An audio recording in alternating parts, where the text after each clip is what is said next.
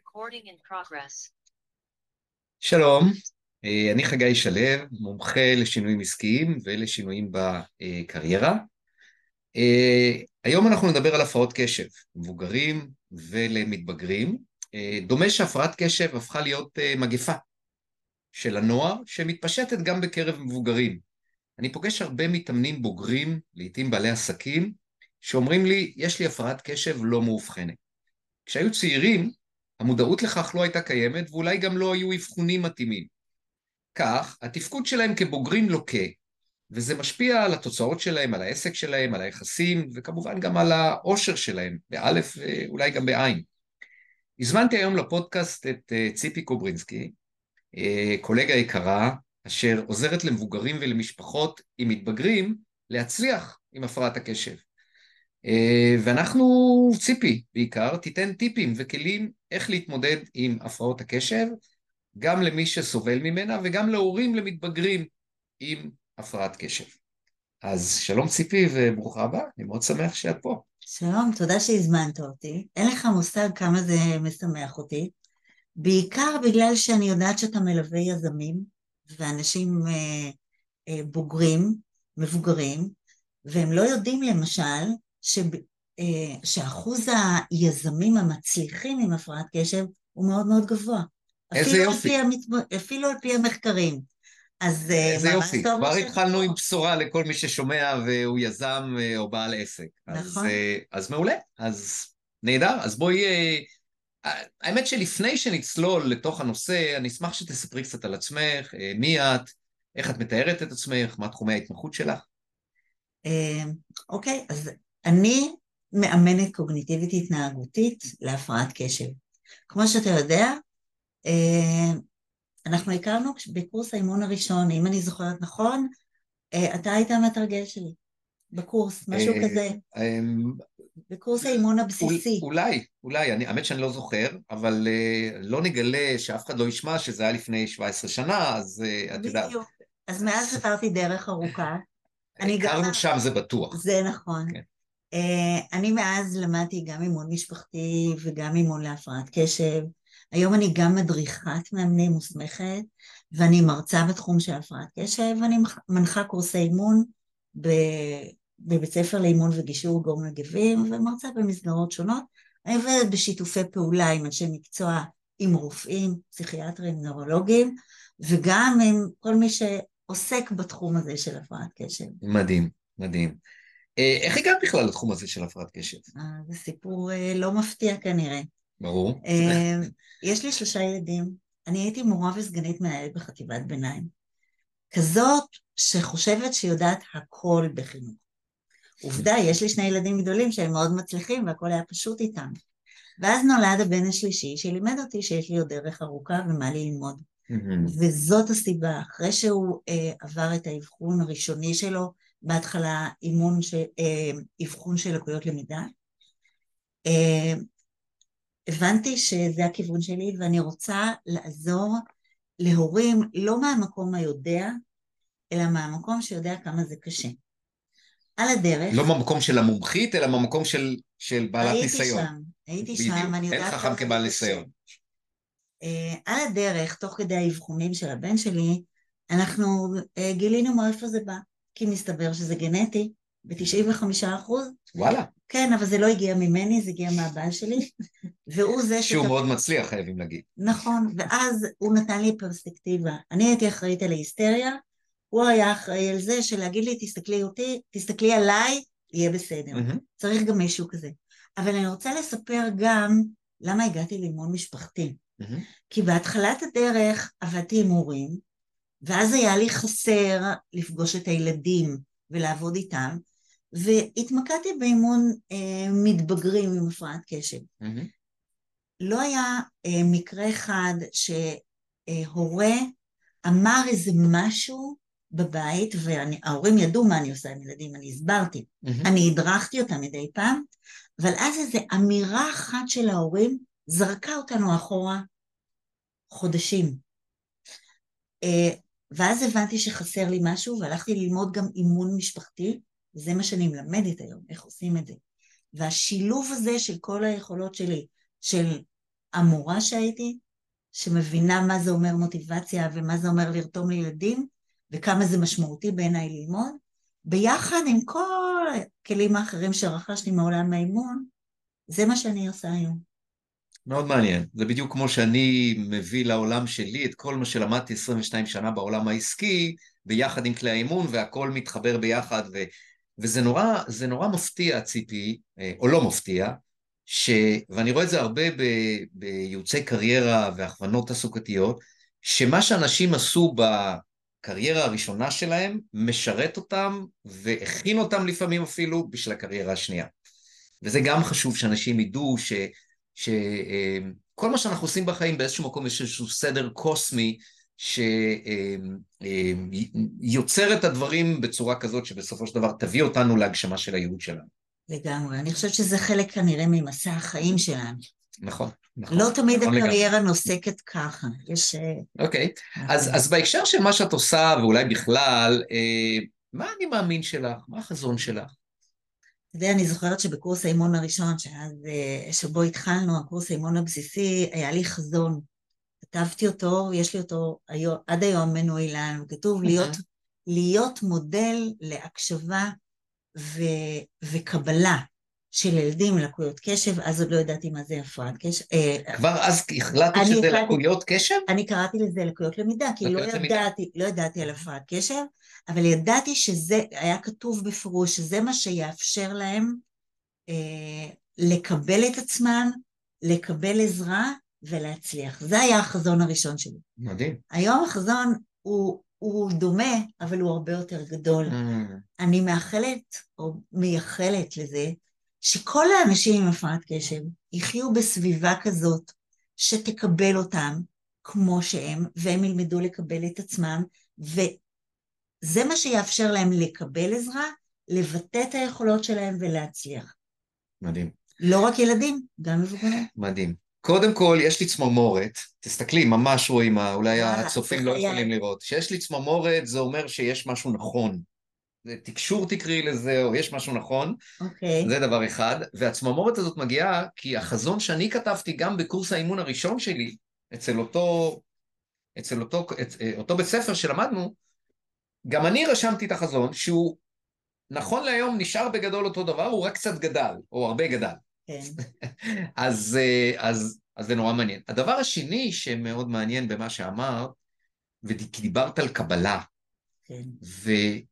מהניסיון שלי זה אחד מהאתגרים הכי גדולים של אנשים, בעלי עסקים, קריירה, ובכלל אנחנו לא יודעים לקבל, אנחנו צריכים שליטה בוודאות בכל דבר, יש לנו צורך מופרז בשליטה בוודאות, ו- וחוסר הקבלה הוא רק עורם קשיים על דרכנו וגורם לסבל והתנגדויות ומריבות וקונפליקטים וכל הדברים האלו. וזה שבחזון שלך מופיע קבלה, בעיניי זה ענק.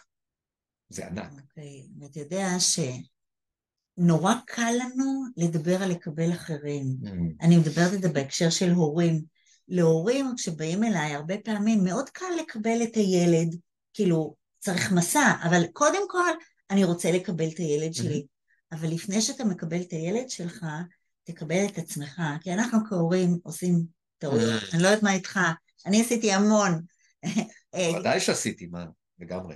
אז, אז אה, אם אתה רוצה אה, להיות במקום הצומח ומצמיח, תלמד קודם לעשות את זה לעצמך, mm. לסלוח לעצמך, mm. להבין שאנחנו אנושיים. Mm, לגמרי, לגמרי. אני, רק הבוקר הייתה לי שיחת אימון עם לקוח ששיפוטיות עצמית זה גם, זה אחד ההרגלים הכי קלוקלים שיש, הכי תוקים שיש. אה, שמעתי גם בבוקר, בריצת הבוקר, את ויין דייר, דוקטור ויין דייר, הוא דיבר על power versus force, של הוקינס, okay. אוקיי. והוא אמר שם, יש לו, הוקינס בנה סקאלה של אה, רגשות, אז הרגש הכי נמוך זה אה, בושה, והרגש השני זה אשמה. זה הכי אה. נמוך, כלומר, כלומר להאשים מישהו או להאשים את עצמנו, זה להוריד הכי נמוך שאפשר מבחינת סקאלה, הסקאלה הרגשית. והקבלה היא, היא ממש ממש ממש עולם ומלואו, שאנחנו רוצים, אה, אה, או, או, או כל בן אדם רוצה להתמודד איתו כדי שבאמת יוכל משם לצמוח, ואת צודקת, קבלה עצמית זה, זה קודם כל. הכל מתחיל מעצמנו, גם אהבה אגב. אנחנו לא יכולים לאהוב אחרים לפני שאנחנו אוהבים את עצמנו, לא יכולים נכון. באמת לאהוב אחרים. עכשיו, אתה מכיר את המשפט שנולד נולד ילד, נולד, נולדת אם מרגשות אשם? יש משפט כזה. נולד ילד נולדת אם עם רגשות אשם. לא, לא שמעתי. לגמרי. אז אנחנו מצטיינות בזה. ברגשות אשם. עכשיו, תאר לעצמך אה, כמה רגשות אשם זה סביב להיות הורה לילד עם הפרעת קשב. אתה עושה את המאמץ העילאי כדי שהכל יהיה בסדר, mm-hmm. וזה לא מצליח לך, אני, תאמין לי, יש לי דוקטורט בזה. אה, ברגשות האשם, ככה מתחיל הספר שלי, רגשות האשם, יש פרק על זה.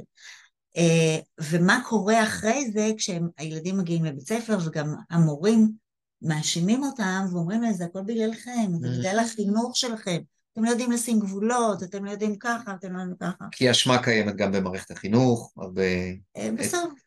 כן, לא רוצים, אבל במשפחה, בזוגיות, בגלל הילד, וכל הדברים האלו, כן. נכון. אוקיי. אמ, בואי נדבר על הפרעות קשב קצת יותר, למרות שכבר נגענו. אה, מפריע לי המונח הפרעת קשב, אוקיי? Mm-hmm. זה הפרעה. זה כאילו שמצמידים לילד אות קין ואומרים לו שהוא דפוק, במרכאות, כן? לכל החיים. למה מכנים זאת הפרעת קשב? האם היא באמת הפרעה? אז בואו נתחיל רגע בהגדרה של מהי הפרעת קשב. הפרעת קשב היא הפרעה נוירולוגית, מאובחנת. היא מופיעה בספר האבחנות האמריקאי של ההפרעות הפסיכיאטריות, mm-hmm. קוראים לו DSM. Mm-hmm. ב-DSM 5, שזה ה-DSM האחרון שיצא, הפרעת קשב מוגדרת כפגיעה בתפקודים ניהוליים של האדם. אני הבאתי לך את הטבלה הזאת, okay. אוקיי. לראות מה זה באמת mm-hmm. הפרעת קשב. בוא נראה אם אפשר לשים אותה. אה, כאילו זה... אפשר, כן, נראה לי שכן. אה, למרות שרואים את זה הפוך. רואים את זה הפוך, אני כן. חושבת, כן. לכן... אה, אוקיי. אבל בעצם הפרעת קשב זה אוסף של פגיעות בפרמטרים שמפריעים לאדם לנהל את עצמו. Mm-hmm. לא לכולם הכל נפגע ולא באותה מידה, mm-hmm. אבל צריך מספר מסוים של תפקודים שנפגעים כדי שיקראו לזה הפרעת קשב, והכל מושפע מזה שהריכוז של הורמון שנקרא דופמין במוח לא קבוע. זאת אומרת זה כימיה, זה בעצם כימיה. זה לגמרי הכימיה שבמוח, ומה שלא יודעים שאם אה, היו עושים בדיקת MRI לכל מי שיש לו הפרעת קשב, היו רואים הבדל במבנה המוח. רק מה, הבדיקה יקרה מדי, אז לא עושים את זה. Mm. אבל אמיתית זה קיים. ובואו נודה על האמת, זה מפריע לנו. זה מפריע לאנשים עם הפרעת קשב, זה מפריע להם להצליח. Mm-hmm. לא סתם קראתי לספר שלי, אל תיתנו להפרעת הקשב להפריע, mm-hmm. כי היא כן מפריע. Mm-hmm. זה שיש לזה קונוטציה שלילית, הדוגמה לזה שיש לזה קונוטציה שלילית היא מה שאתה אמרת. אתה אמרת, מפריע לי כי זה מתייג את האדם, אני לא זוכרת איך אתה אמרת את זה בהתחלה. זה כאילו, אה, זה כאילו, יש לך אות קין, מעכשיו יש לך הפרעת קשב, עכשיו אתה מקבל פטור מזה, מעריכים לך את הזמנים, אתה, כאילו, אתה, יש לך, יש לך לגיטימציה לא להתאמץ. Okay. אוקיי. שזה מה הדבר שהכי מפריע לי פה. אוקיי, okay, אז מה לא ש... להתמודד, לא להתאמץ, כי זה מובחן, ואני מובחן, וכזה אני, וזהו. אז, אז יש לזה שתי אה, פנים לזה שהשם אה, מעצבן והקונוטציה השלילית. אני רוצה להגיד לך, קודם כל, הפרעת קשב זה מזמן לא עוד קיים. אנשים היום יודעים שזה פשוט אה, מופיע בעשרה אחוז מהאוכלוסייה. Mm-hmm. אה, זה חלק מהחסרונות, אה, בוא נאמר, הקשיים שאנשים מתמודדים איתה. יש לה, הפרעת קשב היא תכונה, ויש לה היבטים חיוביים, שבטח נדבר על זה אחר כך, ויש לה היבטים פחות טובים, שזה הקושי לנהל את עצמו. אז הדבר הראשון, אף, היום כבר אף אחד לא רואה בזה עוד קין. הדבר השני שכן אני מסכימה איתך, זה שהרבה אנשים משתמשים בה כתירוץ. הפרעת קשב היא סיבה, היא לא תירוץ, ואם אנחנו יודעים אה, לנהל אותה, ואנחנו יודעים גם להסביר אותה. להסביר, אני לא אוהבת את המונח המקצועי, המונח המקצועי זה לסנגר על עצמך. לסנגר. כן, אני לא אוהבת את המונח הזה, כי אתה יודע מי היום צריך uh, סנגור. כן. לא ניכנס לזה פה. אבל, uh, אבל אני אומרת, אם אתה יודע גם להסביר את עצמך, ואתה יודע לנהל את זה, אתה יכול להוציא ממנה את הטוב שיש בה. אבל כן, זה יכול להפריע אם אתה לא יודע איך. אני מבין. אמ, אוקיי, היה לי איזו שאלה בראש, אבל היא תחזור אליי תכף. אמ, אז, אז בואי, בואי ניכנס עוד יותר לעומק. אמ, באתר שלך את כותבת, אה, הניסיון הרב שצברתי כמאמנת, כמרצה וכמנחה, לימד אותי מה עובד ומה לא. כמה עוצמה וכוח יש בהפרעת הקשב דווקא כמחוללת שינוי לטובה. אצל אלו המודעים ליתרונות הטמונים בה. אני יודעת שלעיתים קרובות זה נראה כאילו הפרעת הקשב היא דרך ללא מוצא, אבל אני פה כדי להגיד לכם שההפך הוא הנכון. אם יודעים להת... איך להתמודד איתה ולהשתמש בה לטובתנו, השמיים הם הגבול. אז קודם כל זה מאוד מעודד לקרוא את זה. אוקיי. Okay. אה, uh, תסבירי בבקשה מה טוב בהפרעת הקשב ואילו הזדמנויות uh, הפרעות הקשב מחוללות. ואולי קצת יותר בפירוט, האם האבחונים של הפרעות הקשב עושות יותר רע או יותר טוב. אוקיי, okay. אני אתחיל בסיפור. אוקיי. Okay. לפני המון שנים, שהייתי בהתחלת הדרך, אבל כבר ידעתי מה זה הפרעת קשב, ובבית אצלנו ידעו מה זה הפרעת קשב, פתחתי יום אחד את הבגז של האוטו של בעלי, וראיתי ארגז מסמכים ענק, כזה של עורכי דין, זוכר פעם היו לפני, לפני עידן המיילים, כן. ושאלתי אותו מה יש פה, מה זה? אז הוא אמר, מינו אותי להיות חבר בבית הדין להגבלים עסקיים, באיזושהי תביעה ייצוגית נגד חברות האשראי. עכשיו, אתה יודע, מעטים האנשים שמבינים שאני אומרת את זה, אני יודעת שאתה איש כספים, אתה יודע על מה אני מדברת. כן. אה, אבל בקיצור... זה הייתה... משהו מורכב, בואי נגיד ככה. בקיצור, הייתה תביעה ייצוגית אה, נגד חברות האשראי על העמלות הצולבות שלהם, שהם אולי מתאמים, לא, לא ניכנס לעומק אוקיי. העניין. אה, הסתכלתי על הארגז הזה, שאלתי מתי הדיון, אמר מחר. Mm. אמרתי לו, וקראת את כל מה שכתוב פה? הוא לא ענה, כי שנינו צחקנו, זה היה ברור שהוא לא יכול. ברור. הדיון היה באמת למחרת. אני התאפקתי ושאלתי אותו למחרת, mm-hmm. אה, מה היה? אה, מה עשית? זאת אומרת, היה לי שעתיים. אוקיי. Okay. מה עשיתי? אני שלפתי את כל, אה, את כל התביעות והסתכלתי רק על תוכן העניינים. וחיפשתי מה הנושאים המשותפים. בין הנושאים המשותפים, רשמתי לעצמי למה אני רוצה להתייחס, לקחתי רק תיקייה אחת של עורך דין שאני מכיר, שאני יודע שאפשר לסמוך עליו, למדתי את הטיעונים המקצועיים שלו ואת זה הצגתי. sure enough גם הדעה שלו התקבלה. אוקיי. Okay. אה, אם אתה שואל אותי אם מישהו היה מתבלבל ונותן לי לייצג את הטיעונים האלה, להיות חברה בבית הדין להגבלים עסקיים, שלושה חודשים הייתי עובדת על זה. Mm. הייתי לוקחת מרקר, מסמלת כל דבר שכל מישהו אמר, מחפשת אז את המשותף ואיפה יש את הטיעונים הכי אה, מוצלחים. בסופו של דבר, מי מנהל יותר יעיל? בעלך? לגמרי. Mm-hmm. לא סתם הוא... ויש לו הפרעת קשב. כן. אוקיי. Okay. הוא גם מדבר עליה, אחרת לא הייתי אה, מעיזה להגיד את זה פה. אבל בוא נגיד, יש הרבה יתרונות, חלקם יתרונות שטמונים בעצם ההפרעה. אנשים עם הפרעת קשב חושבים אחרת. תאמין לי, את העצות הכי טובות ומחוץ לקופסה, אני מקבלת ממנו כשאני מתייעצת איתו. Mm. הם מחפשים ריגושים, נכון? אבל הם גם לוקחים סיכונים, מה שטוב ליזמים, mm-hmm. זה טוב למי שבצבא למשל, בתפקידים מסוימים, זה לא כל כך טוב לנכד שלי שקופץ מעל עצים, okay. כן? אוקיי. אז, אבל אם אתה יודע לכוון את זה נכון. אז יש יתרונות שהם בבסיס ההפרעה. זה בסדר, לא קרה כלום. סליחה. לא קרה כלום, אנחנו פה... אז הם יצירתיים. אוקיי. והם חושבים מחוץ לקופסה. אבל גם כשהם... הדרך החיים שלהם, המסע שלהם, לימד אותם לעקוף את הפרעת הקשב. אם הם מודעים לזה ולומדים איך הם עקפו ומה עזר להם לעקוף, זה היתרון היחסי שלהם בחיים. מה זה נקרא לעקוף את הפרעת הקשב? לדעת לנהל אותה כמו שסיפרתי עכשיו עם סיפור עם הבן שלי. איך הוא okay. אוקיי. מקצר תהליכים. למשל, הוא יודע שהוא לא יכול לקרוא את הכל. אבל אף אחד לא יכול לקרוא את הכל ביום בשעתיים. זה לא מייחד דווקא את אה, בעלי הפרעת הקשב. אבל היה לו שלושה חודשים, הוא נזכר אה, ברגע אה, האחרון. הוא נזכר ברגע האחרון. הוא אף פעם לא קורא דברים מאוד מאוד ארוכים, היום קצת יותר. הבנתי. אבל בסוף, כשאתה מודע לאיך לנהל את זה ואתה גם מבין מה עזר לך, אתה גם לא מפחד לקבל עזרה. אתה לא מתבייש לזה ש... לדחות, כי אתה יודע שתסתדר בסוף דרך אינטואיציה. לא, לא, אבל אם אתה יודע שאתה דחיין, ו... אתה יודע לקבוע לעצמך דדליין מראש, דדליין אמצע, ואתה יודע שדדליין מייצר אדרנלין שמחליף קצת הדופמין, אוקיי. אז אתה משתמש בזה כדי אה, להגיע מראש עם אה, יותר מוכן. אתה משתמש באדרנלין הזה, mm-hmm. אבל בשכל, mm-hmm. לא ברגע האחרון, אלא שבוע קודם, למשל. Mm-hmm. תגידי, אני, אני, אני רגע, אה, את, את רוצה עוד אה, אה, להוסיף פה לגבי יתרונות, או להגיד לא, מה יותר? אה, אתה שאלת אותו לאבחונים, אני שכחתי לדבר על זה. נכון. אז אה, קודם כל אני חושבת שאבחונים זה דבר ענק, וחשוב שהוא אוקיי. קיים. Okay. Mm-hmm. אנחנו אנשי המקצוע יודעים שיש תת אבחון, mm-hmm. בעיקר בקרב מבוגרים.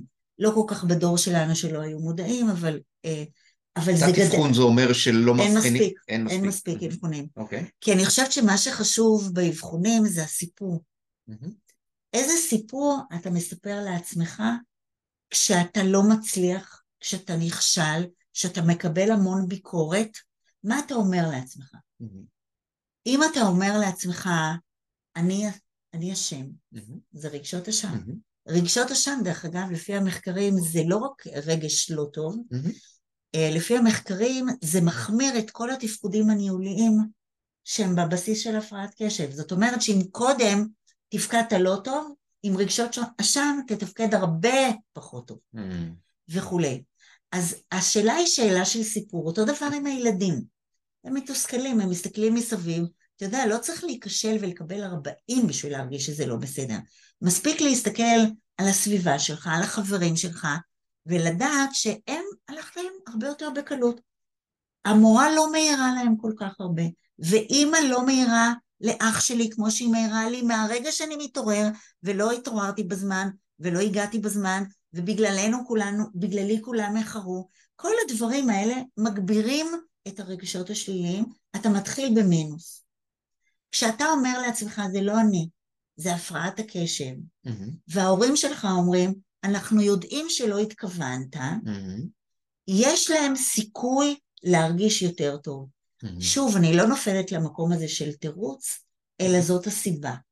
אבל אם ההורים יודעים את זה, ויודעים גם שאפשר לאמן את התפקודים האלה, ולעודד ולתמוך ולפרגן. אבל אפשר גם לתת כלים אמיתיים, mm-hmm. ואני זה שיעזור לך ללמוד איך, mm-hmm. זה כבר סיפור חדש. ואז יוצאים מהמשבצת של האשמה, שקודם אמרנו שהיא מאוד מאוד נמוכה ומאוד מאוד מורידה ומאוד פוגעת. נכון, אז זה חלק מהעניין. אוקיי. Okay. אבחון הוא מאפשר לגיטימציה לקבל עזרה במקום שאתה צריך לקבל עזרה. מה לעשות? כן. Mm-hmm. אתה יודע, הפרעת קשב היא מלווה בעוד מתנות. שאני כותב, אומרת במרכאות כפולות.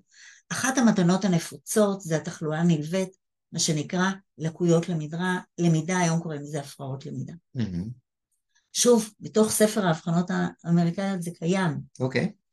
הפרעת למידה היא הפרעת אמיתית, שיש פער בין מה שאתה יכול לבין מה שאתה מצליח לבטא. Mm-hmm. כשיש אבחון, יש לגיטימציה לתת עזרה לקבל עזרה, וכן לבקש לפעמים התאמות מסוימות מבית mm-hmm. ספר, mm-hmm. מה שלא תמיד קיים בסביבה הבוגרת. אנחנו לא יכולים לבקש מהבוס התאמות, mm-hmm. אבל אנחנו כן יכולים לבקש אה, הכלה או הבנה לזה שאני לא עושה את זה בכוונה, וכן, יש עזרה שאני יכול לבקש ממך ותעזור לי, ואז תראה שאני יכול לתרום הרבה יותר לפעמים מאחרים. אני מבין. אז את אומרת שיש בזה יותר טוב בעצם. לגמרי. אבל אני רגע, רגע אגיד, אנחנו חייבים לא להיכנס למשבצת של אני קורבן של הפרעת הקשב, נכון. וזה, וזה דטרמיניסטי, וככה זה, ואין מה לעשות, אלא מתוך האבחון ומתוך ההכרה, לראות איך אני יכול גם להתמודד עם זה, ואיך אני יכול, אה, א', לנצל את היתרונות של זה, וב', עם הבעיות שזה יוצר, או הדברים שזה פוגע בי, לראות באמצעות כלים מתאימים, לראות איך אני מצליח בכל זאת, על אף הפרעת הקשב, לתפקד בצורה טובה יותר. אה, אני חושבת שזה הרבה יותר גדול מזה. זאת אומרת, אה, אני חושבת שההבנה שיש לך הפרעת קשב, אם היא מלווה בידיעה שהתפקודים האלה יכולים להשתפר, ויש תפקודים שמשת... אה, שמשתפרים, דרך אגב, בכל הכנסים שהייתי בארצות הברית, תמיד מדברים על האימון כהתערבות הכי יעילה לאנשים עם הפרעת קשב. יש המון תפקודים ניהוליים שאפשר אה, לשפר, כמו לקבל החלטות, כמו להתארגן יותר טוב, לא להיות דחיין, אה, לנהל את הרגשות שלך. כל זה יכול להשתפר באימון.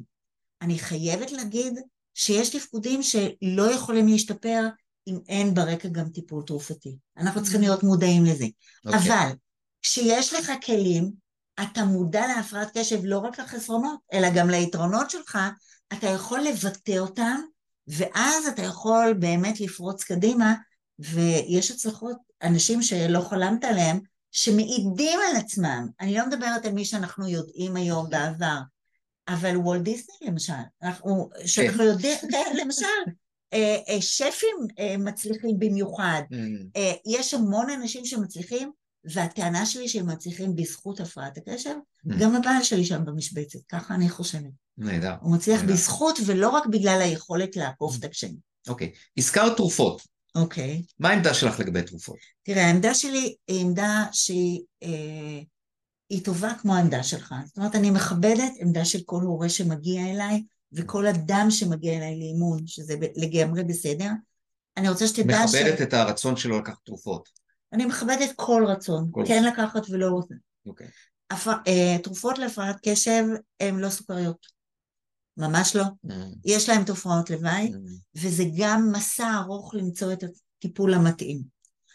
בגלל שאני אימא וסבתא להפרעת קשב כבר, okay.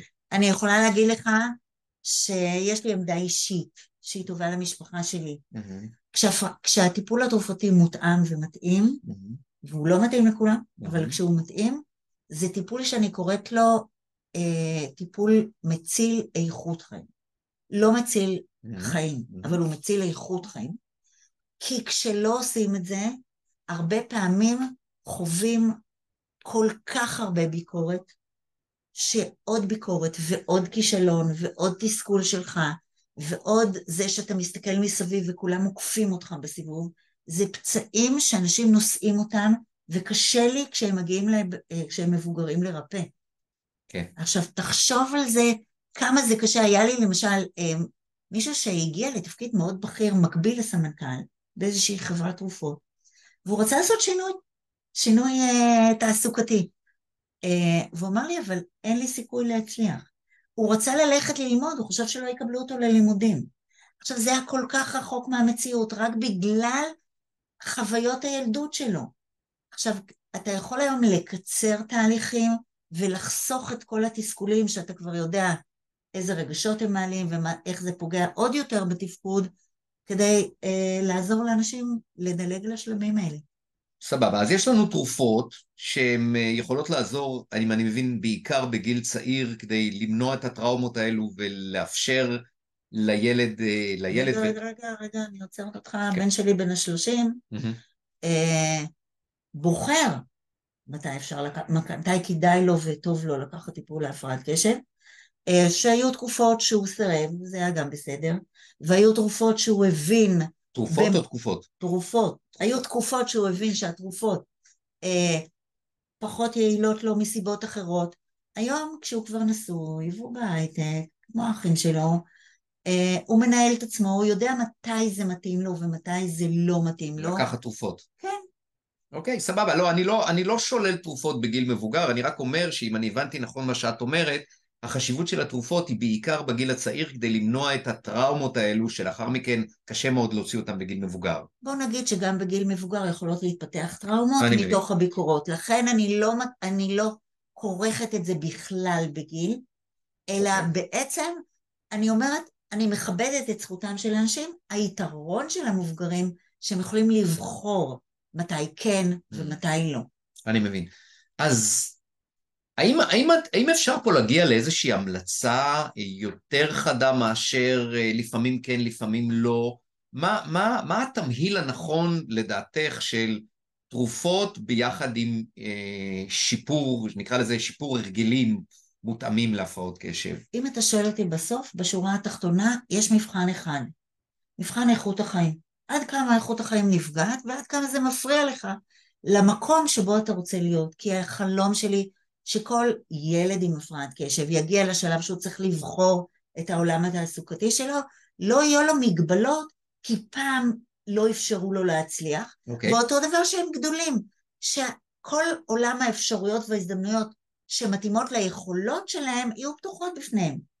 אוקיי, okay. אז, אז, אז אני, אני בכוונה מכניס לך לפינה קצת. מה בעינייך התמהיל הנכון של תרופות וטיפול התנהגותי נקרא לזה? אני חושבת, אה, בוא נגיד, המחקרים אומרים שהשילוב ביניהם הוא המיטבי. שילוב. שילוב, הוא המיטבי. גם וגם. ואם מישהו בוחר לעשות את זה ולא את החלק השני, אז הוא משיג חלק ממה שהוא יכול להשיג אם הוא היה משלב את שניהם. אבל זאת בחירה, ואני חושבת שאדם צריך לבחור את מה שמתאים. אז, אז, אז ממה שאת מהן, אני משיג על האין, ואת אומרת שבעצם, לא אמרת את זה, אבל אני רגע בודק איתך, מי שהולך רק על טיפול תרופתי, הוא מגביל את עצמו מראש ליכולות של השיפור שהוא יכול להשיג. לגמרי. כמו שאנחנו מדברים על הורים. ההורים שמגיעים למסקנה, תאמין לי, אף הורה אה, לא, לא מחליט את זה בקלות. Mm-hmm. אני okay. אוקיי. עברתי את זה, mm-hmm. אז אני יודעת. אה, אבל ההחלטה היא מאוד קשה. once החלטת את זה, אה, אתה יכול לשפר דברים מסוימים. החלטת לא, את זה? שאתה נותן טיפול תרופתי לילד שלך, okay. אוקיי. אתה יכול לעזור לו אם זה לא מלווה באיש מקצוע שמלווה או הדרכת הורים, או אימון הורים, או אימון משפחתי, mm-hmm. הרבה דברים לא מצליחים.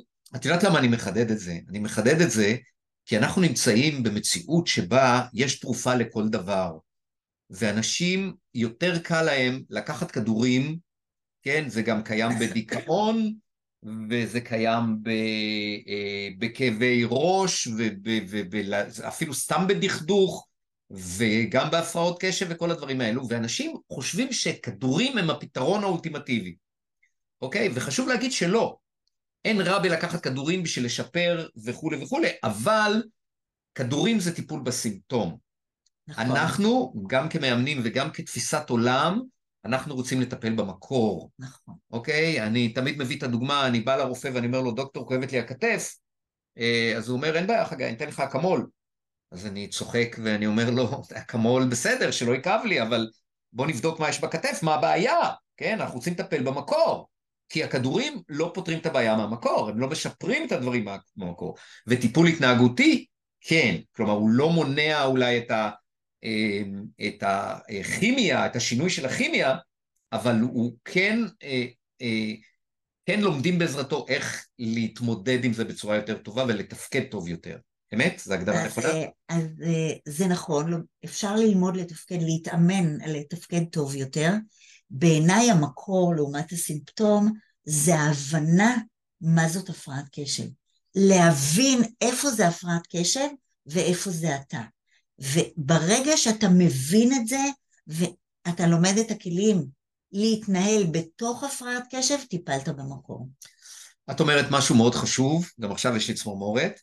אה, את אומרת שהכל מתחיל בהבנה, אני, אני קורא לזה בדרך שלי מודעות. בוא תדע מה זה הפרעת קשב, מה היא עושה לך, מה הסימנים שלה, אוקיי? אחרי זה תתבונן ותראה את הפרעת הקשב כשהיא מופיעה בחיים שלך. בדיוק. ואז יש לך את הכלים, אם למדת אותם, לבחור איך להתמודד. לגמרי, מדויק לגמרי, עם זה אני מזדהה לגמרי. מעולה, מעולה. אמ, אז בואי נדבר רגע על אה, שיפורים בתפקוד. איזה, איזה שיפורים בתפקוד יכולים להשיג אנשים עם הפרעת קשב, ואיך אפשר להשיג אותם? אז כמו שאמרתי, חוץ מאשר לבוא ולהתאמן, כמובן לאורך לא, זמן, אבל באופן כללי ככה. אבל אתה יודע, כל מה ש... אה, ברגע שיש לך אה, כלי, למשל, בוא נגיד, הכלי היעיל בעיניי ביותר, זה ללמוד ממה שעוזר לך להצליח לך, מותאם אתה. זאת אומרת שאם מגיע אליי, זה יכול להיות ילד, זה יכול להיות מבוגר, אני אתן לך באמת אה, דוגמה שעומדת לי בראש, שעזרתי לילד דרך האימון המשפחתי, והאבא ביקש להישאר לכמה מפגשים. בשביל עצמו. בשביל עצמו. והוא היה, הוא בשביל אמר... הפרעת הקשב שלו או בשביל כן. הקשר שלו עם הילד? הפרעת הקשב שלו. שלו, כמבוגר. אה, אוקיי. ואני זוכרת שהייתה לו אה, חברה גדולה שנותנת שירותים, אה, והוא סיפר לי בתוך התהליך על אחת העובדות שלו, שהוא רצה לפטר אותה ועושה לה שיחת שימוע. Mm-hmm. ואז בשיחת השימוע היא הביאה להראות לו את משוב הלקוחות שהיה עליה, להראות לו שהיה משוב טוב. טוב. עכשיו הוא אמר לי, את יודעת, אני תמיד רואה את החלק השני של המשוב, את כל הפאקים, את כל הדברים שלא עובדים, ועל זה אני עושה ישיבות גדולות, ופה אנחנו... כמו רוב המנהלים אגב. אה, נכון. עכשיו הוא אומר, אה, בעצם למדתי ממך לבדוק את מה שעובד, ואז בחנתי בחברה מה, מה שעובד, זה היה הכלי שלי. זה כלי שאני עובדת איתו עם אנשים עם הפרעת קשב. לנתח את ההצלחות שלכם, לא לנתח את הכישלונות שלהם. Mm. ואז... וגם אה, להתמקד בחיובי במקום בשלילי, שזה חלק מזה. שזה חלק מזה. עכשיו, אה, אני זוכרת ששאלתי אותו איך הוא מרגיש כשהוא עושה את זה, והוא היה איש מאוד גבוה, והוא ככה אמר לי, את הגבת אותי ככה בעוד כמה סנטימטרים. ואז תחשוב, אה, לא פגשתי מישהו שסירב לנתח הצלחה. אף אחד. כולם עושים את זה כי זה מתוך תחושה של גאווה. גם ילדים, זה הדרך הנפלאה לרתום ילדים ולרתום מבוגרים. אז פה אנחנו יכולים לבדוק. אם אני אקח ילדים, אז מתי אתה, אה, למשל, אם הצלחת במקרה, אז יכול להיות כי למדת בלילה כי זה יותר טוב לך, יכול להיות כי עשית קודם ספורט, זה העלה את האדרנלין. יכול להיות כשחילקת את החומר, יכול להיות כי למדת עם חבר, יכול להיות שאימא נתנה לך צ'ופר, כי החלטתם עליו אחרי כל רבע שעה, אני לא יודעת, יש המון שיטות והמון כלים, אבל בואו ניקח את כל מה שיש במחקרים, את מה שיש בניסיון, אבל בואו ניקח את החיים שלכם ונלמד מפה מה הכי עובד. זה מדהים מה שאת אומרת, כי זה גם משהו מאוד מאוד אה, אה, שהוא הפוך מהאוטומט שלנו, מההתנהלות. נכון. כאילו באוטומט ילדים עם הפרעות קשב, ובכלל, גם כמבוגרים, זה מה לא עובד. והמחשבה היא, אם נתמקד במה שלא עובד, אז אנחנו נוכל לשפר את הדברים, אוקיי? וזה עובד בדיוק הפוך. נכון. כי מה שאתה מתמקד עליו גדל, ובעצם הרעיון הוא להתמקד בחוזקות, ביכולות, בכישורים, בהצלחות, במקום להתמקד במה שלא עובד. וספציפית לגבי הפרעת קשב, מכיוון שיש הרבה ביקורת ואשמה וכל הדברים האלו, אז ההתמקדות בחיובי היא גם מבטלת את, ה, את האשמה. היא לא מבטלת, כי זה מאוד קשה, אתה יודע, צריך לפחות פי שלוש או פי שש אה, דברים חיוביים משליליים, שזה קשה מאוד לביצוע, אבל יש כאן משהו עוד יותר. אה, אני לא מסתפקת בלא להיכשל. כשאתה מפיק לקח מכישלון, mm-hmm. אז אתה יודע איך לא להיכשל. כן. אני רוצה שהם יצליחו, mm-hmm. זה הרבה יותר גדול. Mm-hmm. אתה יודע, הייתי בחיל האוויר. אתה יודע שבחיל האוויר יש נוהל קבוע של תחקור הצלחות? לא תחקור כישלונות, תחקור הצלחות. אני מבין, כן. אז זה לא סתם.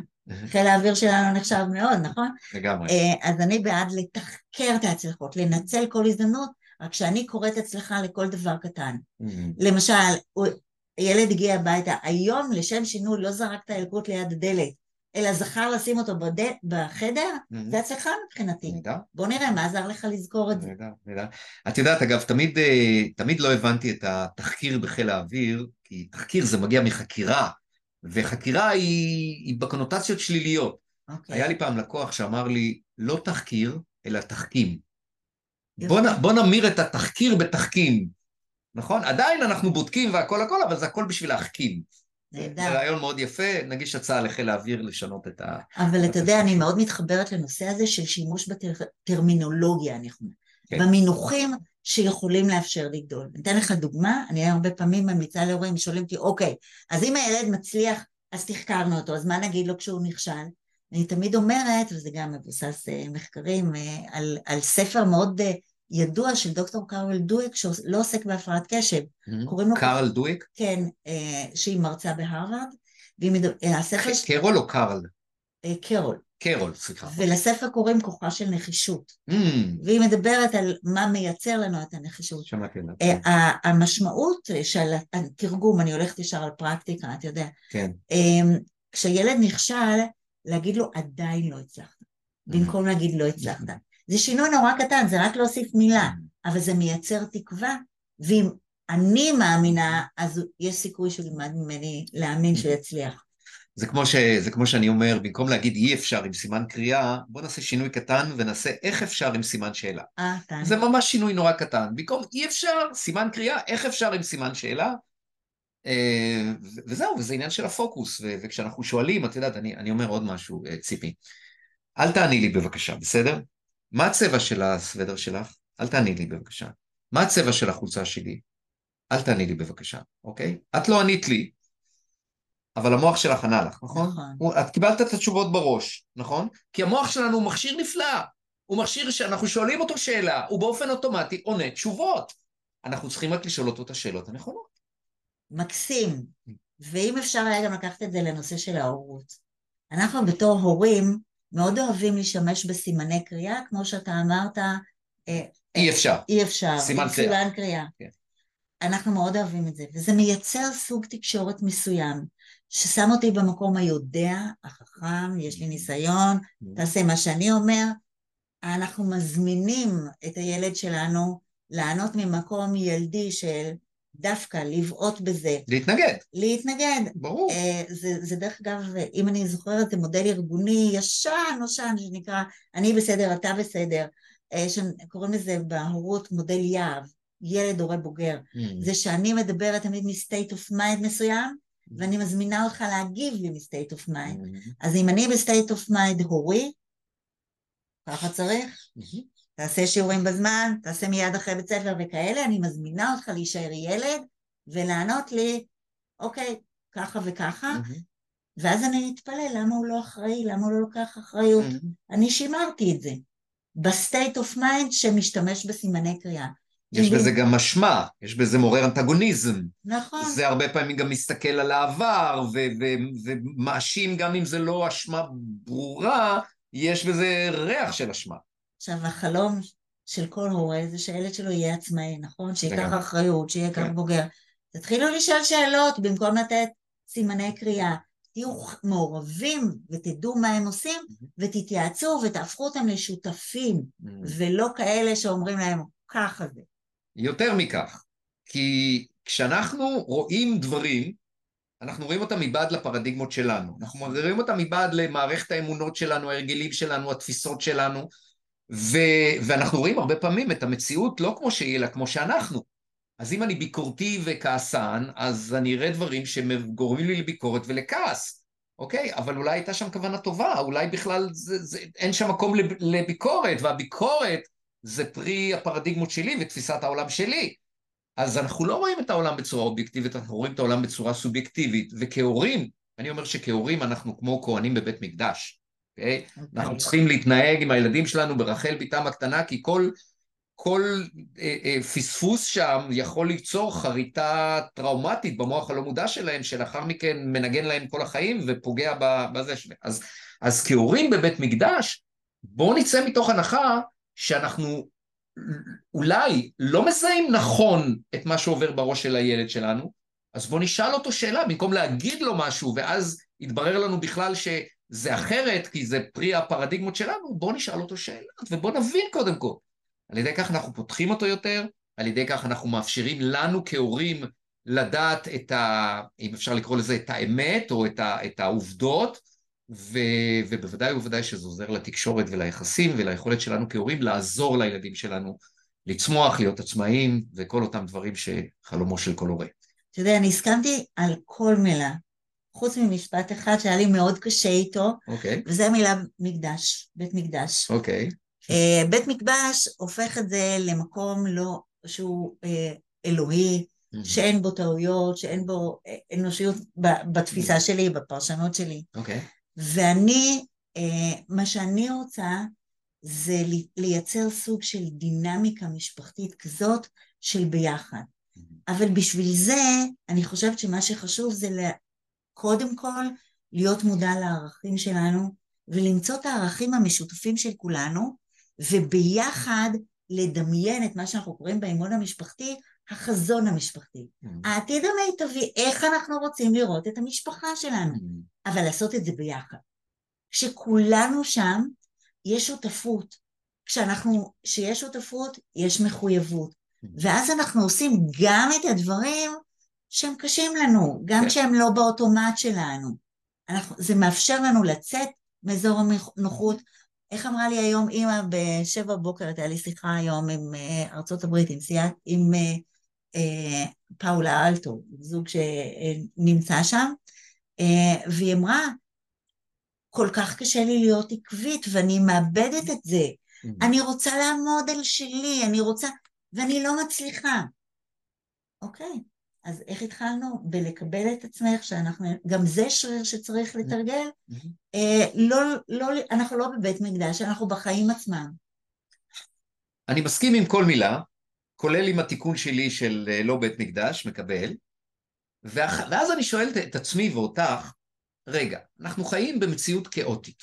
אנחנו חיים בעולם שבו כמבוגרים אנחנו נקראים בין העבודה לבין הבית, לבין ה-well-being שלנו, והילדים, והצרכים, והמצב הכלכלי, והמצב הפוליטי, והביטחוני, ו... מה, מה שאת אומרת זה מאוד הגיוני, חזון משפחתי ולשבת וכל הדברים האלו, ואני בא, אבל אנשים צריכים לעשות את זה. אנשים אנשים אין להם זמן, את יודעת, הם עובדים מבוקר עד ערב, אה, אין להם זמן לטפל מספיק בילדים שלהם, אין להם מספיק להיות מספיק מעורבים. מה עושים? אחד האתגרים הגדולים של העידן הנוכחי, אה, שבאמת שעות עבודה מטורפות, לחצים וכולי, הכל נכון. אבל בסוף, אם אתה מרוצה מהחיים שלך כמו שהם, סבבה.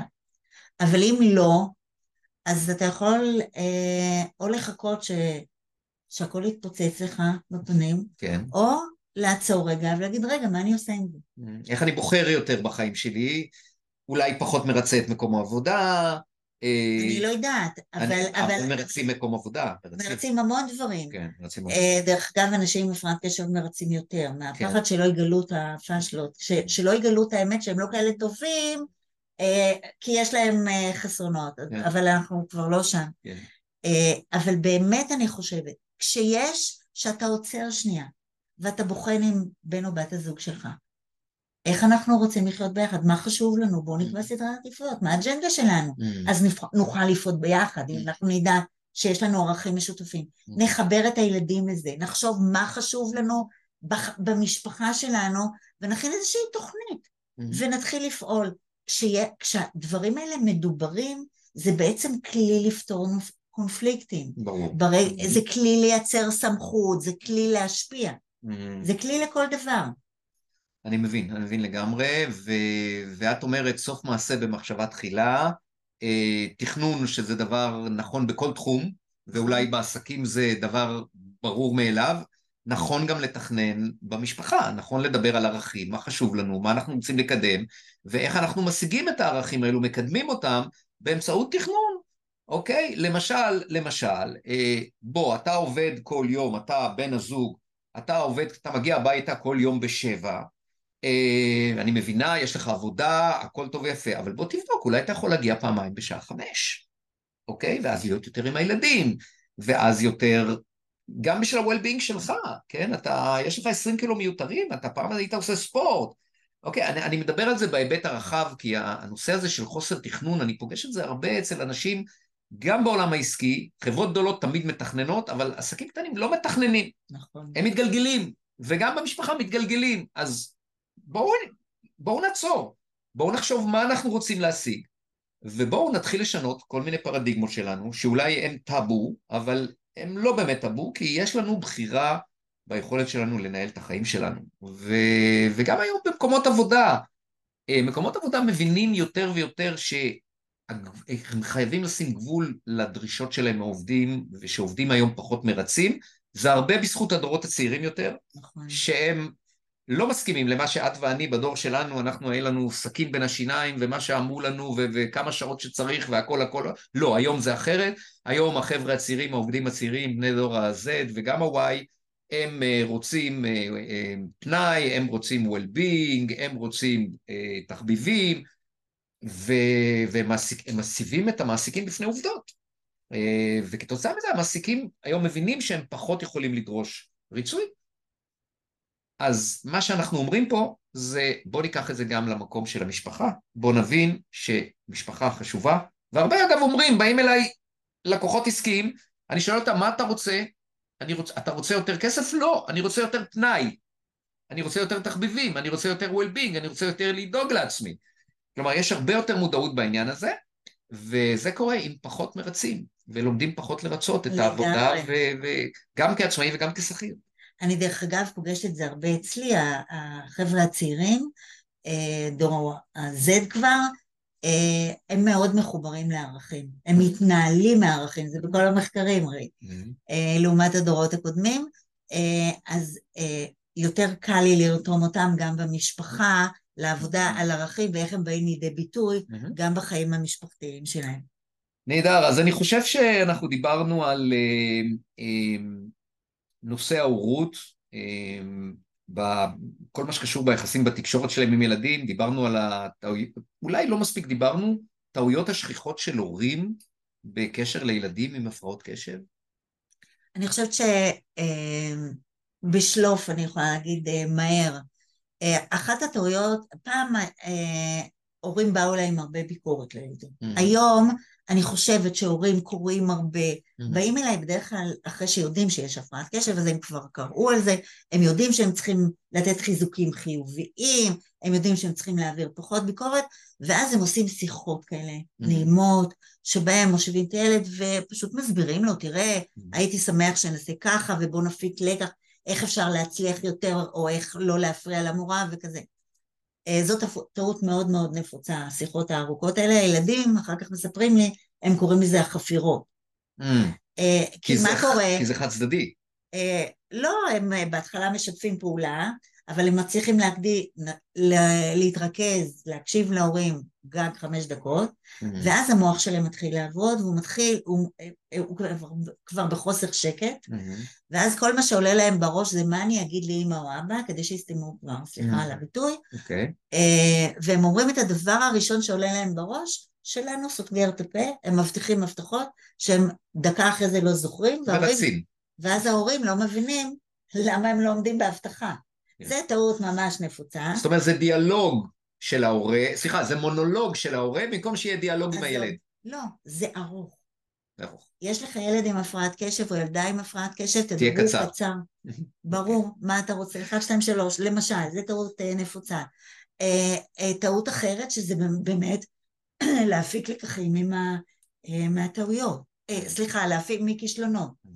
טעות מאוד... אשמה כבר דיברנו, לא להשאיר. יש טעות מאוד נפוצה וזה התקשורת עם בית ספר. Mm-hmm. לחפש את הטעויות של המורים, זה אותו דבר mm-hmm. עובד עליהם. Mm-hmm. תחפשו את מה שהם עושים טוב. אנחנו צריכים לזכור שבסוף אמ, בין המורים להורים mm-hmm. יש תמיד האשמות. אנחנו חושבים שהמורים לא מספיק סבלניים, המורים, והייתי מורה, mm-hmm. חושבת שההורים לא, לא יודעים לשים גבולות, mm-hmm. בסוף זה מפגש של קשיים. Mm-hmm. וכל המחקרים מראים שהמנבא הכי חזק להצלחה זה השיתוף פעולה. זה mm. שיש חזית אחידה, דרך אגב, לא רק בין המורים למורים, אלא הילד צריך להיות חלק מהפתרון ולא רק חלק מהבעיה. אז... משולש, שיתוף פעולה משולש. אבל אם אתה שואל אותי, בטח שאני שואל. מה הטעות הכי גרועה מכל הטעויות? זה להתמקד בטעויות. אוקיי, מעולה, מעולה. לא מזמן הוצאת את הספר "אל תיתנו להפרעת הקשב להפריע", שם מצוין. אה, מה יפיק מהספר מי שיקרא אותו?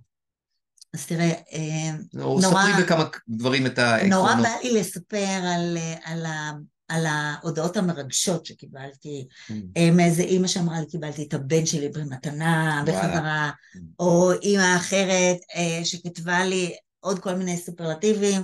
שהספר שלי יכול לשנות חיים. אה, זה נורא נחמד וזה נורא מרגש, אבל האמת, מה שהכי אה, חשוב בעיניי זה אימא שכתבה לי שהספר שלי הוא כמו ספר בישול. אפשר לחזור עליו כל הזמן ולקבל טיפים אה, איך להתנהל בסיטואציות מאתגרות. Mm-hmm. כל מיני שקרים, טיקים שיש לילדים לפעמים עם הפרעת קשב, איך להתארגן טיקים? בבוקר, טיקים. יש לזה קשר... מה זה, אה, כזה כאילו? כן, כן. מצמוצים? כן, אה, כל מיני אה, תנועות לא רצוניות, עוד כל מיני דברים.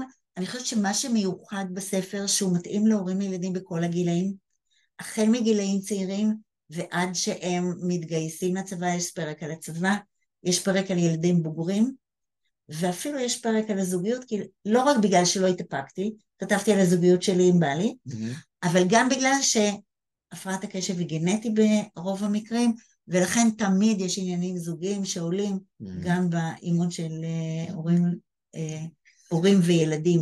זה כמו שבאימון עסקי עולה הרבה גם נושאים של עניין של חינוך נכון. עם הילדים וגם עניין של, ה, של הזוגיות, כי בסופו של דבר כשטוב בבית, טוב בעסק, אוקיי? ואנחנו רוצים שיהיה לנו טוב בבית, והבית הוא מקום מאוד מאוד חשוב שאנשים היו רוצים תמיד לשפר ולתפקד, וגם בואו נזכור ששיעורי הגירושים כל כך גבוהים, ש...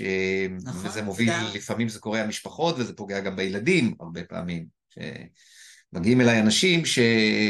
רק השבוע היה אצלי מישהו שאמר לי, ההורים שלי התגרשו בגיל שבע וזה זה, זה תקע לי את החיים, אוקיי? Okay? שזה גם סוג של קורבנות שצריך להתמודד איתה, אבל, אבל כן, אז, אז אנחנו רוצים שיהיה טוב, וכשיש הפרעות קשב זה מקור לקונפליקטים, ודרך אגב, כשיש הפרעת קשב במשפחה זה מגביר את הסיכוי לגירושין. יש את זה בכל המחקרים, okay. אוקיי. כי לא פשוט להתמודד עם זה. בוא, זה באמת לא פשוט. נכון. גם, גם זה וגם uh, כסף, לא קשור לענייננו, אבל כסף לגמרי, זה סיבה לגמרי. מאוד מרכזית בגירושים. בטח, אתה יודע כמה מהר הם לוחצים באפליקציה שמציעה לכם משכנתאות? בלחיצת כפתור אתה יכול לקבל את זה. רק שכחתי לדבר עם בן או בת הזוג שלי. אה, מכיר אוקיי, את זה? אוקיי. אוקיי. אה, אם אנחנו מדברים על חינוך, אז יש לי שאלה שהיא קצת יותר, אה, אה, פחות רלוונטית להפרעת הקשב, היא יותר כללית. את היית מורה וסגנית מנהלת בחטיבת ביניים. מדוע החינוך היום הוא יותר קשה מבעבר? מדוע הסמכות, מילה סמכות שהייתה פעם גם בין מנהלים לעובדים, אוקיי? וגם בין הורים לילדים, מדוע הסמכות היום, והסמכות בכלל והסמכות ההורית בפרט, מדוע הם הלכו לאיבוד? מה לדעתך קרה פה? אז בוא, קודם אתה הזכרת את דור ה-Y, דור ה-Z, mm-hmm, פערי כן. הדורות, העולם משתנה, mm-hmm. התרבות השתנתה, אה, ואנחנו אנשים אחרים, ואנחנו צריכים לדעת להתאים את עצמנו mm-hmm.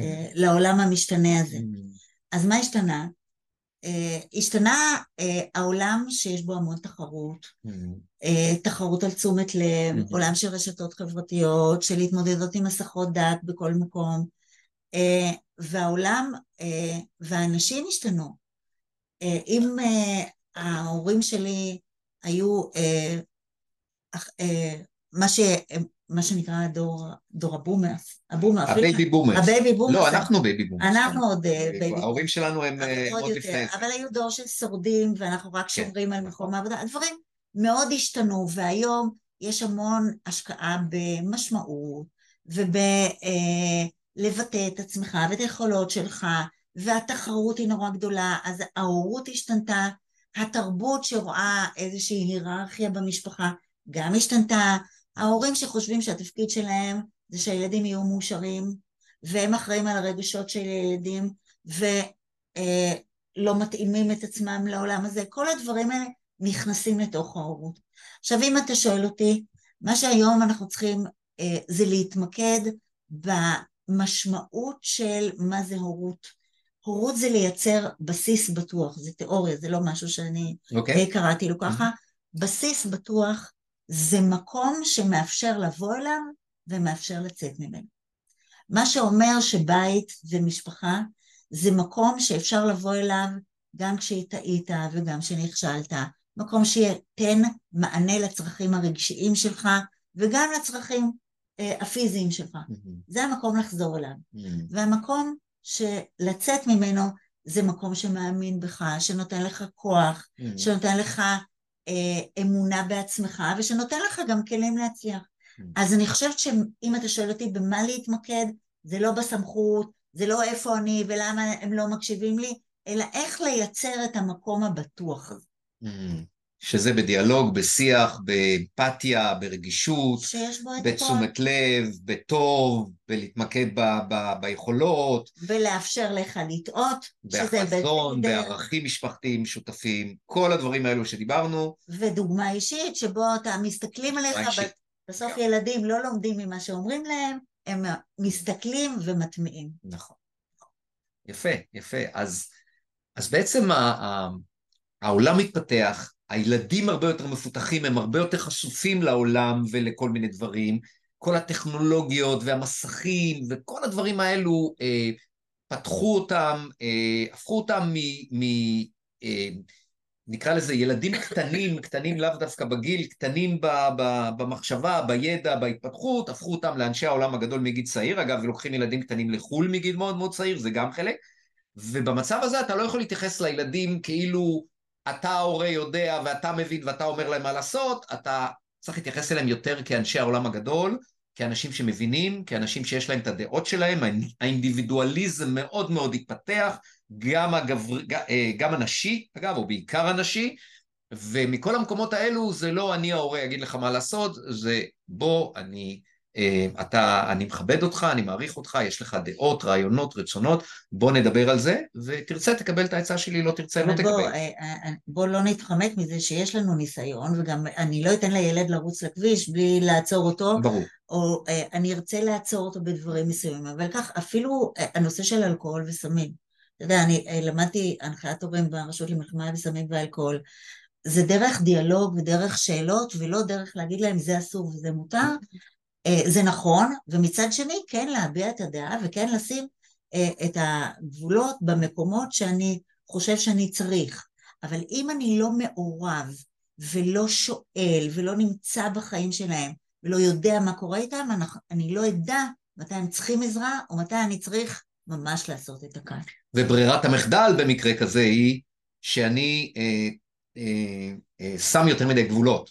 כי אני, אגב זה גם מגיע מה, מהמקום של צורך בשליטה, נכון. כן? צורך בשליטה ובוודאות, וכשאין לי את השליטה בוודאות אני מנסה להשיג אותה בכל מחיר, וזה קורה על ידי זה שאני מתחיל להציב לילד גבולות, ובגבולות אין שום רע בגבולות, רק צריך לדעת איפה לשים אותם, וכשאני שם יותר מדי גבולות אני קולט את הילד, ומייצר קונפליקטים ו- וכולי וכולי. ובסוף זה הכל שאלה של סדרי עדיפויות, והאג'נדה שלך, וזה הערכים שלך. אם אתה מבין מה הערכים שלך, אז גם את הגבולות אתה שם במקומות שמתאימים לך.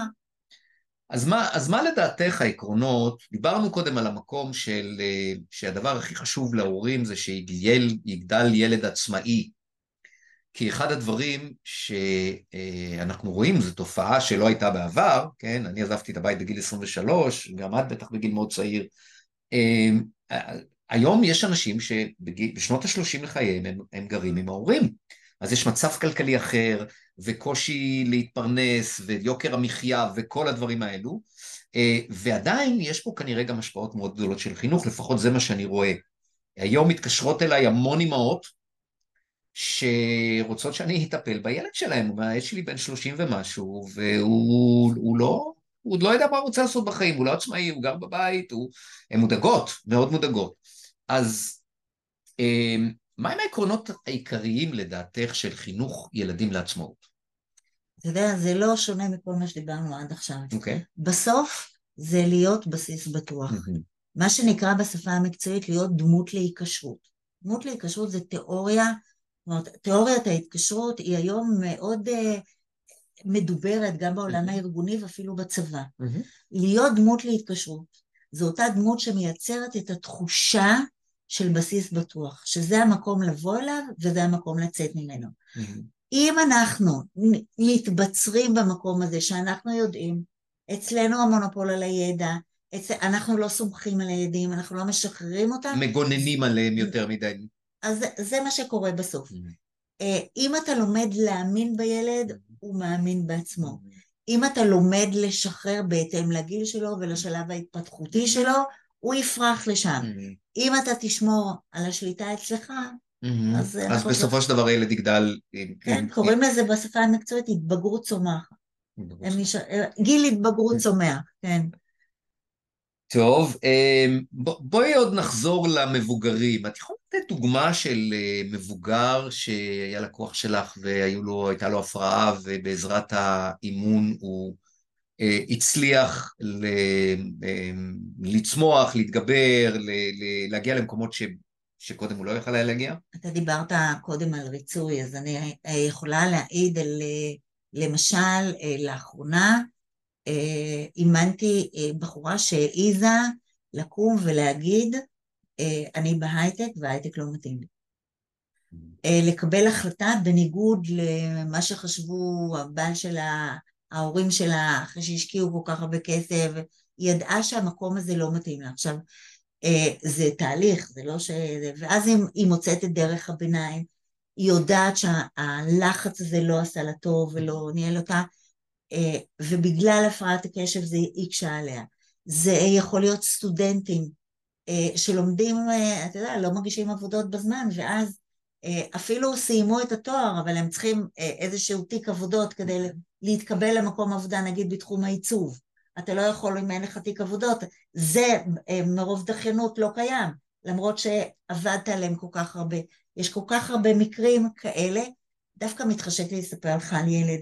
כי דיברתי היום על okay. אוקיי. ההורים האלה שדיברתי איתם בשבע בבוקר היום, אה, שנמצאים בארצות הברית, והם הגיעו אליי בגלל, אה, גם ילד וגם אימא דרך אגב, אה, אבל הם הגיעו כי הילד... גם ילד וגם אימא עם הפרעת קשב. כן, אבל הם באו בגלל הילד כמובן, שהוא בן 16, והוא רוצה להתקבל, הוא רצה בתחילת התהליך להתקבל למסלול מצוינות באיזשהו קולג' במקום מאוד מאוד נחשב ויוקרתי. עכשיו הוא ילד מאוד חכם. ההורים פנו אליי בדאגה עצומה, כי אה, הוא לא יוכל לנהל את זה בכלל. נגיד שהוא יתקבל, איך הוא לא יסתדר שם? הוא לא יצליח לקום בבוקר, הוא לא יודע לעשות סדרי עדיפויות, לא יגיש בזה. Mm. ואני יודעת שמאוד אה, היה לי, מאוד התחשק לי להגיד לך שהוא יתקבל, הוא לא יתקבל. Okay. אוקיי. אה, כי אה, מה שהוא קרה בדרך, פנו המון, הוא לא התקבל מסיבות מסוימות. אבל היום בבוקר, מה שהם סיפרו לי זה שיש לו בגרות בכימיה השבוע. ואנחנו לא נפגשנו שבועיים, והם אמרו לי, את יודעת, אנחנו פשוט לא האמנו שזה קורה. אה, הוא ניהל את זה לבד, את כל הלמידה שלו, והכנו, האמא אמרה, הכנו תוכנית, הייתה לו מטרה מאוד ממוקדת, הייתה תוכנית עבודה, mm-hmm. הוא, הוא עבד לפי התוכנית, למד כל יום, לא לקחנו אותו למסיבת יום עצמאות הגדולה שהייתה בה, אה, לכל הישראלים שם, אה, הוא ביקש להישאר ביוזמתו, ביקש להישאר, למד והכל נהדר ומחר המבחן ונראה מה קורה. זאת הצלחה עצומה, ואתה יודע למה? כי אף אחד לא עזר לו להכין את התוכנית הזו. Mm. הוא ביקש מהם לא להתערב גם בתוכנית. הוא נכנס לגוגל ומצא איך מכינים תוכנית עבודה, איך לומדים. הוא ישב עם עצמו, חילק לעצמו את הזמן, הוא עשה הפסקות, הוא...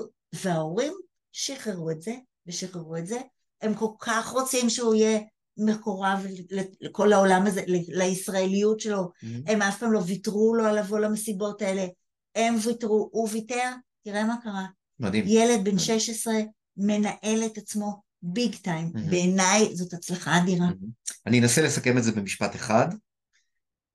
הילד לקח אחריות על העניין, ההורים נתנו לו, אפשרו לו לקחת אחריות, הסירו את האחריות שלהם, ואז הילד צמח. הוא לא הסירו, כי הם נתנו את העזרה במקומות ש... איפה שצריך, אבל הסירו את האחריות הבלעדית, נקרא לזה. נכון. כן. כי הורים הרבה פעמים לוקחים, לוקחים בלעד, אה, אחריות בלעדית. לגמרי. אוקיי? אתן לך דוגמה נורא פשוטה. אה, אם הילד לא מגיע לבית ספר בזמן, זה אחריות שלי. ולכן אני כהורה, אני אשכים אותו מוקדם מספיק, ואני תא ואני תה ואני זה וזה, אוקיי? הניסיון שלי עם הילדים שלי היה, זה בצד הרבה טעויות אחרות, אבל הניסיון שלי עם הילדים שלי היה זה עד שלא אמרתי לילדים שלי, אם אתם לא תקומו לבית ספר, אני אעיר אתכם, אני אעיר אתכם, אבל אם אתם לא תקומו לבית ספר זה בעיה שלכם, ואז הם איחרו פעם, פעמיים, שלוש, קיבלו את המנה ואת השטיפה מהבית ספר, ואז הם לקחו אחריות על זה והם התחילו לקום בזמן. אז קודם כל תודה רבה, כי הזכרת לי את הטעות שלי שהייתה בדיוק ההפך. Okay. אוקיי. עשיתי את מה שאמרת, mm-hmm. בלי לדעת שבבסיס פה יש הפרעת קשב, mm-hmm. ועד שהוא לא יקבל כלים איך לנהל את זה בבוקר, מישהו צריך כן לנהל את זה, ויש בספר, ויש בספר שלי פרק שעוסק בהתארגנות הבוקר. אוקיי. Okay. מהלמידה שלי בדיוק ההפוכה. אז זה לא תמיד עובד, אבל... לא היה להם הפרעות קשב לילדים שלי, לשמחתי. אבל, אבל, אבל כן, אה, זה באמת מראה את ההבדל בין לחיות עם הפרעת קשב לבלי הפרעת קשב. אוקיי. Okay. תודה. אנחנו לקראת סיום. אה, יש עוד משהו חשוב שאת רוצה להגיד לפני שככה אני ניגש לסיכומים הרגילים? אמ, כן, אני חושבת שאני קצת מצטערת שלא הצלחנו גם לדבר על מה קורה לאנשים עם הפרעת קשב שהם מגיעים לעבודה בארגונים. אה, אני חושבת ש... בואי תדברי. אני חושבת שמנהלים שלא מודעים לזה שעשרה אחוז מהאוכלוסייה יש להם הפרעת קשב, יכולים לפספס, כי לפעמים האנשים הפרעת קשב שהם out of the box, הם מביאים את החשיבה היצירתית, הם יכולים להקפיץ את הארגון לשלב mm-hmm. אחר שלו. Mm-hmm. אבל לא רק מפספסים, אלא אתה בעצם, אם אתה לא אה, יודע לנהל את זה, אז אה, יושבים לך בארגון אנשים מתוסכלים. אנשים, אתה יודע... לא יודע לנהל את זה כמעסיק. כן, ואז אה, כמעסיק. ואז מה שקורה, אתה יודע, תסכול זה התמרמרות, וזה יכול אה, כמו. גלים להתפשט. בעל. שזה לא בריא. אני חושבת שאם יש מודעות לזה, וזה בסדר לדבר על הפרעת הקשב ולתת את העזרה המתאימה, אם מישהו יש לו הפרעת קשב, אל תיתן לו דדליין בעוד שלושה חודשים, אלא תקבע איתו גם באמצע עוד איזה שתי פגישות, שבוא תגיד לי מה קורה, mm-hmm. ואז הוא יכין את עצמו, זה יהיה דדליין מלאכותי למשל. Mm-hmm. ויש לי עוד כל מיני כאלה. כן, אני, אני, אני, אני חושב שבכלל דרך נכונה, לאו דווקא אם עובדים עם הפרעות קשב בכלל כמנהלים, אה, זה לא לבוא ולקבוע דדליין, אלא לבוא ולדבר איתו, להגיד לו, תשמע, אני הייתי רוצה שזה יהיה כך וכך, מה דעתך, אפשר, אי אפשר, לרתום אותם, את העובדים, היום צריך לרתום את דור ה-Y ודור ה-Z, אמרנו אין סמכות, אני המנהל, אוקיי, עוד שבועיים זה על שולחני, לא טוב. תגיד לו, אני הייתי שמח לקבל את זה על שולחני בעוד שבועיים, האם לדעתך אתה תוכל לעמוד בזה? או אם לא, אה, מה כן אתה יכול לעשות, ולהגיע איתו להסכמה. וזה משהו שהרבה מנהלים עדיין לא עושים. אה, זה נכון, רק לאנשים עם הפרעת קשב המילה אני שמח לקבל קצת אה, לא ברורה. אוקיי, אולי... ואנשים עם הפרעת קשב צריכים מסגרת, אבל בתוך המסגרת אפשר לראות אה, מה אתה יכול לעשות, המסגרת עוזרת להם דווקא. אוקיי, אבל זה לא צריכה להיות מסגרת נוקשה. נכון. אוקיי, זה בכל מקרה. טוב, מעולה. אה, איפה אפשר ללמוד עוד על העבודה שלך, מה שאת עושה, וליצור איתך קשר? אז אתה יודע, אנחנו אה, ממשיכים לשמר את הקשר בינינו, אז גם בפייסבוק אה, אני כותבת הרבה, יש לי קבוצה של הורים גדולה מאוד שאני שולחת להם מדי פעם מייל. Mm-hmm. אני באמת לא שולחת סתם ולא פרסומות, אלא אני שולחת שיש לי משהו mm-hmm. שיכול לתרום להם, אז מי שרוצה מוזמן להשתתף, אה, להצטרף, יש את זה... איך מגיעים לקבוצה הזאת? אה, דרך הדף העסקי שלי. דף העסקי בפייסבוק? כן, ציפי קופריסקי, מאמנת להפרעת קשב. אה, וכמובן, דרך הספר שלי. את הספר איפה אפשר לקנות? בחנויות? הספר עדיין בחנויות, לא לגמרי זמין, כי כבר עברה שנה, הוא כבר לא בחזית. צריך לבדוק שהוא קיים. אבל אם לא, זה דרך האתר שלי. דרך האתר שלך, אז יש לך גם אתר, ו... ובטח מגישים ציפי קוברינסקי ב... בגוגל, לא, לא ומגיעים לא לאתר, ושם יש את כל הפרטים וחומרים, ולהירשם, וכל הדברים האלה. לגמרי. מעולה, מעולה. אמ, אז יש משהו ששאלתי אותך, אה, שהייתי צריך לשאול אותך ולא שאלתי? או היית רוצה שאני אשאל אותך ולא שאלתי? אה, אני חושבת שכבר דיברתי על זה כשאמרתי על אה, ארגונים. ארגונים. על מה, okay. אוקיי. מה יכול אה, לעזור בארגונים, אבל כן אני הייתי רוצה לשאול אותך שאלה, בתור אה, מי שמבין בבקשה. בארגונים, זה אחרי שכבר אתה קצת מבין יותר מה זה הפרעת קשב, okay. כן. אחת השאלות שמטרידות אנשים שאני מאמינת עם הפרעת קשב, mm-hmm. זה אם להגיד את זה. Mm-hmm. אם למשל להגיד את זה ב... בשלב ראשון כשאתה מתראיין למקום עבודה, או אם להגיד את זה רק אחרי שכבר התקבלת, mm. או בהמשך, כמה לשתף? מה אתה חושב? אוקיי, okay, שאלה מצוינת. אמ, קודם כל, אני תמיד מעדיף להיות באינטגריטי ולשתף, ו... אמ, אמ, ולא להסתיר. המאמן שלנו, טל רונן, היה אומר, אה, The truth will set you free. האמת תשחרר אותך. It may first piss you off. זה, זה, זה בהתחלה עלול לעצבן, אבל בסופו של דבר האמת תשחרר אותך. Um, אני אתן לך דוגמה. Um, כשאני בשנת 88, uh, 89, עזבתי את משרד רואי חשבון והיה לי הגיל באוזן, כמו עכשיו, אותו הגיל, לא אותו הגיל, אבל... Uh, והתראיינתי במקומות עבודה, הייתה לי דילמה, האם להוריד את העגיל או לא להוריד את העגיל. החלטתי שאני לא מוריד את הגיל. למה החלטתי? ואני יודע על כמה מקומות עבודה בדיעבד שלא קיבלו אותי בגלל הגיל. היה שמרנות אז וכל מיני דברים כאלה. למה? כי אמרתי שמי שיקבל אותי לעבודה, אני רוצה שיקבל אותי אפילו לא למרות הגיל, אלא בזכות הגיל. שיגיד, אוקיי, יש פה מישהו שהוא כנראה מחוץ לקופסה, אני אוהב אנשים כאלו.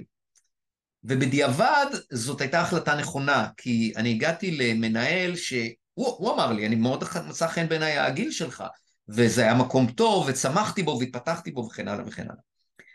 לכן הנטייה הראשונה שלי, ואולי אני קצת נאיבי, היא לבוא ולהגיד, תשתף. תשתף. אל תשתף ממקום של חולשה, של קושי, של בעיה. תשתף ותבוא ותגיד גם, אני גם מתמודד עם זה, ו... ויש בזה גם דברים טובים, ותשווק את, את, את, את, הפרעת הקשב שלך.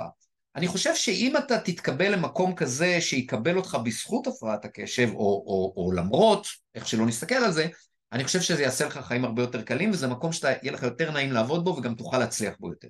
אני מסכימה איתך, לגמרי. Okay. אוקיי. זה, זה, זה מה שאני חושבת, אני תמיד אה, מציגה את כל האופציות, אה, ואני נורא שמחה שאמרת, אתה יודע שהגיל באוזן היום זה יתרון, שמגיעים למקום עבודה. 88 רואי חשבון, זה היה משרד, כששמתי את זה במשרד הרואי חשבון, הסתכלו עליי כאילו, כאילו נחתתי מהירח. כן, תמיד נכון. אהבתי להיות מחוץ לקופסה. ו... זהו, אז, אז באמת, אה, אני חושבת שזה אחד היתרונות של אנשים עם הפרעת קשב, הם תמיד מחוץ לקופסה. Mm. זה היתרון הגדול שלהם, וזה לא איך להסתכל על זה. Mm. אותו ילד שחופר היום להורים שלו, הוא זה שיהיה איש מכירות מצוין. חופר, מאיזו בחינה חופר? למה את מתכוונת? אני רוצה תשובה עכשיו, אני לא יכול להתאפק, אני mm. צריך עכשיו תשובה, ואני לא אוותר לך עד שלא תיתן לי. אני אפור ועזוב, זה... זה מגיע מתוך הפרעה. כן, כי אתה, אין לך שקט עד שאתה לא מקבל uh, תשובה. Okay. אוקיי. הוא זה שיהיה עורך דין שלא יוותר ויגן uh, על הלקוח שלו, הוא יהיה איש מכורות מצוין. Mm-hmm. כל תכונה אנחנו יכולים ל, uh, לראות את הצד הזה שלה ואת הצד הזה שלה, uh, ואני חושבת שאם אתה מודע באמת ליתרונות גם שיש לך בתור מי שיש לו הפרעת קשב, אתה משווק את זה אחרת. כן, יש לי קושי בזה וזה, זה מה שיעזור לי, אבל אני לוקחת על זה אחריות, אני לא מתחבא מאחורי זה. ואני יודע שאני יכולה לתת ערך מוסף שאין לאחרים. מה שאת אומרת זה שיש בעצם מקצועות מסוימים שבהם הפרעת הקשב היא יתרון. נכון. מכירות? אני לא יודעת להגדיר, mm. לשים את האצבע אה, אם זה דווקא מכירות, אני חושבת שמקום שהוא דינמי, mm. אה, או אופי תפקיד שהוא דינמי, mm-hmm. שלא יושבים במקום אחד, זה יכול להיות יתרון גדול, אבל כל מה שאני אומרת לא מתחבר למה שהבן שלי, בן השלושים עושה, הייטק. שהוא בהייטק, יושב כל היום מול המחשב ואומר לי, הכי טוב לי לצאת מהבית לשבת שם, והוא מצליח אה, אה, לא פחות מהאחים הגדולים שלו, אז, אז אין, אין משהו, אני חושבת שזה יהיה שחל, אה, יותר מדי כוללני, כוללני ושם אותם בקופסה. אנשים צריכים לדעת מה מתאים להם. יש אנשים אה, שצריכים לדעת מה התכונות שלהם, מה עושה להם טוב, ומה יכול לעזור להם לבטא את היכולות שלהם. ובכל זאת, כמו שעשיתי הרבה לאורך השיחה הזאת, אה, אפשר לבוא ולהגיד שאם אני, יש לי הפרעת קשב, יש לי סיכוי להיות אדם יותר יצירתי? כן. למשל? כן. כן, זה, יצירתיות, כן. זה קיים אה, בהרבה. אני כבר שמעתי באיזשהו מקום שחולקים את זה. פעם זה היה אה, מוסכמה. מוסכמה. היום כבר אה, זה לא ברור. מתוך ההיכרות האישית שלי, כן, mm-hmm. המחשבה היא שונה, היא מחוץ לקופסה. אני אומרת לך, את הרעיונות הכי mm-hmm. טובים שלי, שאני מתייעצת, אני מקבלת מהבעיה שלי. ומה לגבי אומנות, לגבי למשל עיצוב או יצירה אחרת? אז, אז יש אנשים ששם בא לידי ביטוי היצירתיות שלהם, לא בהכרח. Okay. לא אוקיי. בהכרח. כן, לא בהכרח. אבל אפשר לבוא ולהגיד שאנשים עם הפרעת קשב הם אנשים שהם אה, אה, נוטים יותר ליצור כל מיני דברים? לא, לא בהכרח. לא בהכרח. אוקיי. לא טוב, אני חושב שמיצינו את העניין אה, מכל הכיוונים, כמעט.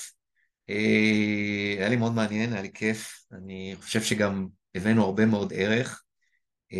תודה שבאת, וכל מי ששומע ורואה אותנו, הפקתם תועלת, תשתפו, תשתפו, תגיבו. ספרו לאחרים, אה, כמו שערן שטרן אומר, אל תתקמצנו, אה, זה לא רק בשבילכם, זה בשביל כולם, אז אה, נשמח אם תשתפו אה, ותעבירו לאנשים, להורים, לאנשים, למתבגרים, אנשים מבוגרים, שיש להם אה, הפרעת קשב והם אה, קצת לא יודעים איך להתמודד איתה או הרבה. אה, אז תודה רבה ציפי, היה לי לעונג. תודה, תודה שהזמנת אותי ואפשרת לי לממש חלק מהחזון שלי, באמת להפיץ את המודעות הזאת לאנשים עם הפרעת קשב, ובאמת אפשר גם להפנות אליי שאלות, ואני אשמח לענות במייל או בכל דרך אחרת. נהדר, אז uh, עד הפרק הבא, uh, להתראות.